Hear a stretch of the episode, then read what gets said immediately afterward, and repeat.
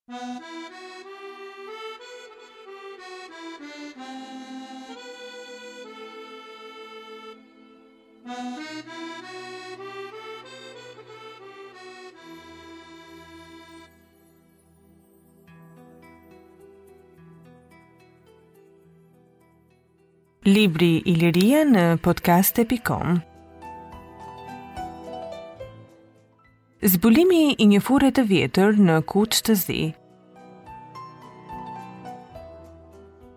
Fshati Kuç i Zi gjendet në anë të fushës së Korçës, 7 kilometra në juglindje të këtij qyteti, buzë rrugës automobilistike për në Bilisht. Gjatë punimeve bujqësore, në afërsi të këtij fshati, u ndeshën gjurmët e një muri me tulla dhe disa varre. Punimet që u bënë këtu nga një ekspeditë e sektorit të arkeologjisë së institucionit të histori gjuhësisë u përqendruan në dy pika.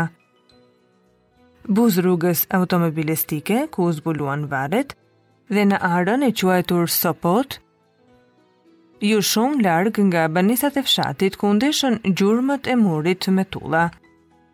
Gërmimet treguan se këto të fundit u përkisnin një furre për pjekjen e qeramikës. Kishte trajtën e një katërkëndëshi, brinjat e të cilit përputheshin me katër pikat e horizontit. Furra kishte këto përmasa, gjatësi 3 metra dhe gjerësi 2 metra. Për nga mënyra e ndërtimit, ajo i përket furrave me dy të ndara, pjesa e sipërme, ku vendosej materiali i përgatitur për pjekje, dhe pjesa e poshtme, lënda djegëse. Dhoma e pjekjes ndahet prej vatrës me një shtresë horizontale tullash që formon skarën, kjo e fundit mbështetet mbi katër çifte kolonash të lidhura ndërmjet tyre me harqe. Si kolonat edhe harqet përbëhen prej tullash të cilat kanë formën katrore 36 me 38 dhe 6 me 8 cm. Trashësia e murit të çdo kolone përputhet me përmasat e tullës. Si material lidhës ka shërbyer kudo balta. Në skarën e furrës gjenden pesë rreshta vrimash të formuara nga boshllëqet midis harqeve, të cilat shkojnë paralel me njëra tjetrën në drejtimin veri-jug.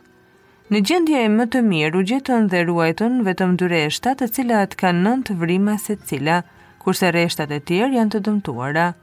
Vrimat nuk kanë trajta të rregullta, ato i ngjasojnë më tepër rrethit të katërkëndëshit. Përreth ato kanë qenë veshur me baltë, e cila si pasojë e temperaturës së lartë është ngurtësuar, kurse tulla e skarës nën veprimin e po kësaj temperature kanë pësuar plasje. Vatra është e vendosur në tokë, dyshemeja e së cilës përbëhet nga baltë e pjekur.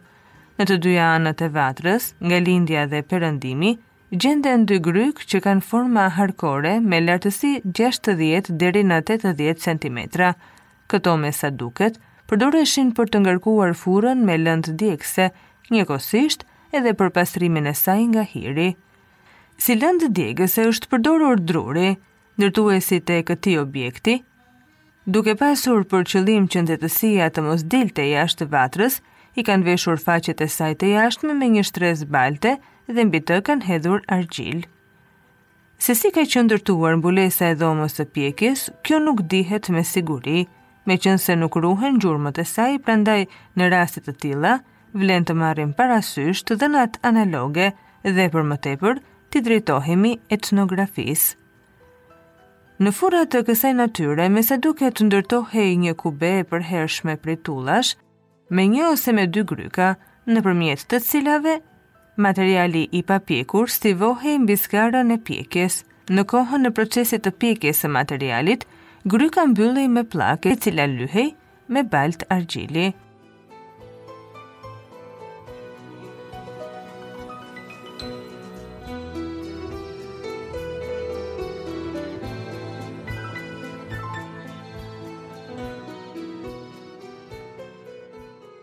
Sipas Gajdukeviç, Në shumicën e furrave të caktuara, për pjekjen e tullave dhe tjegullave, jo gjithmonë ndërtohej mbulesë e përhershme. Furra pa mbulesë të këtillë takohen edhe në kohën romake, por kjo gjë praktikohet edhe sot në punimet e zejtarisë për prodhimin e këtij karakteri.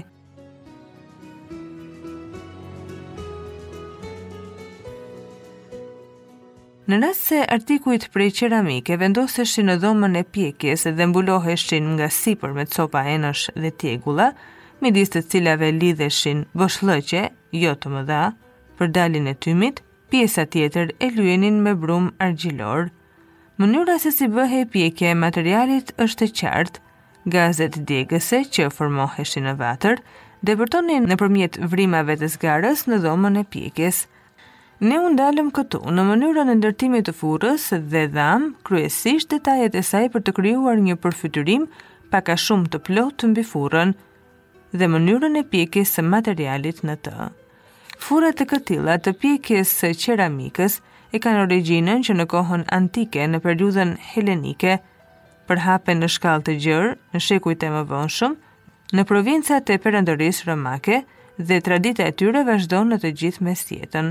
Nga pikëpamja konstruktive dhe funksionale, ndryshimet që shohim në këto lloj objektesh gjatë këtyre periudhave nuk janë të mëdha.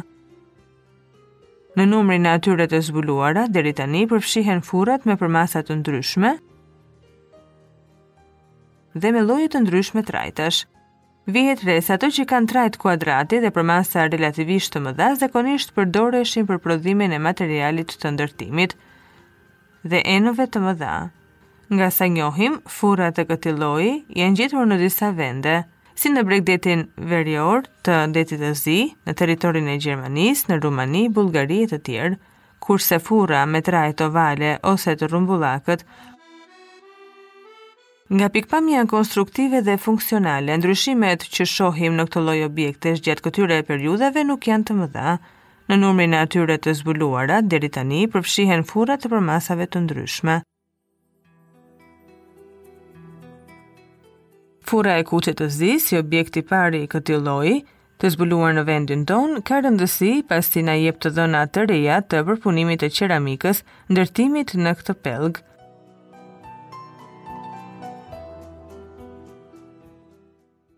Se çfarë lloj artikujsh qeramike janë pjekur në furrën tonë, flasin vetë gjetjet e shumta të tullave e tjegullave brenda saj.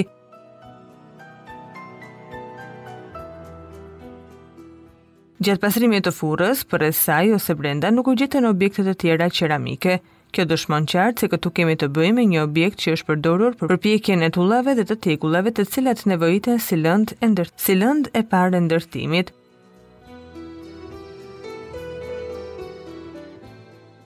Këtu duhet theksuar se si për kohën antike dhe gjatë Mesjetës, një degë e veçantë e zejtarisë përbënte prodhimin e artikujve të materialit të ndërtimit, gjë që përputhet me nevojat e kohës. Edhe në territorin e vendit, tulla jonë dhe tjegulla janë përdorur gjerësisht në ngritjen e shtëpive të banimit, të ndërtesave të tjera me karakter shoqëror dhe nëpërmjet mbrojtjes, Gjurmët dhe gërmadhat e të cilave gjenden me shumicë.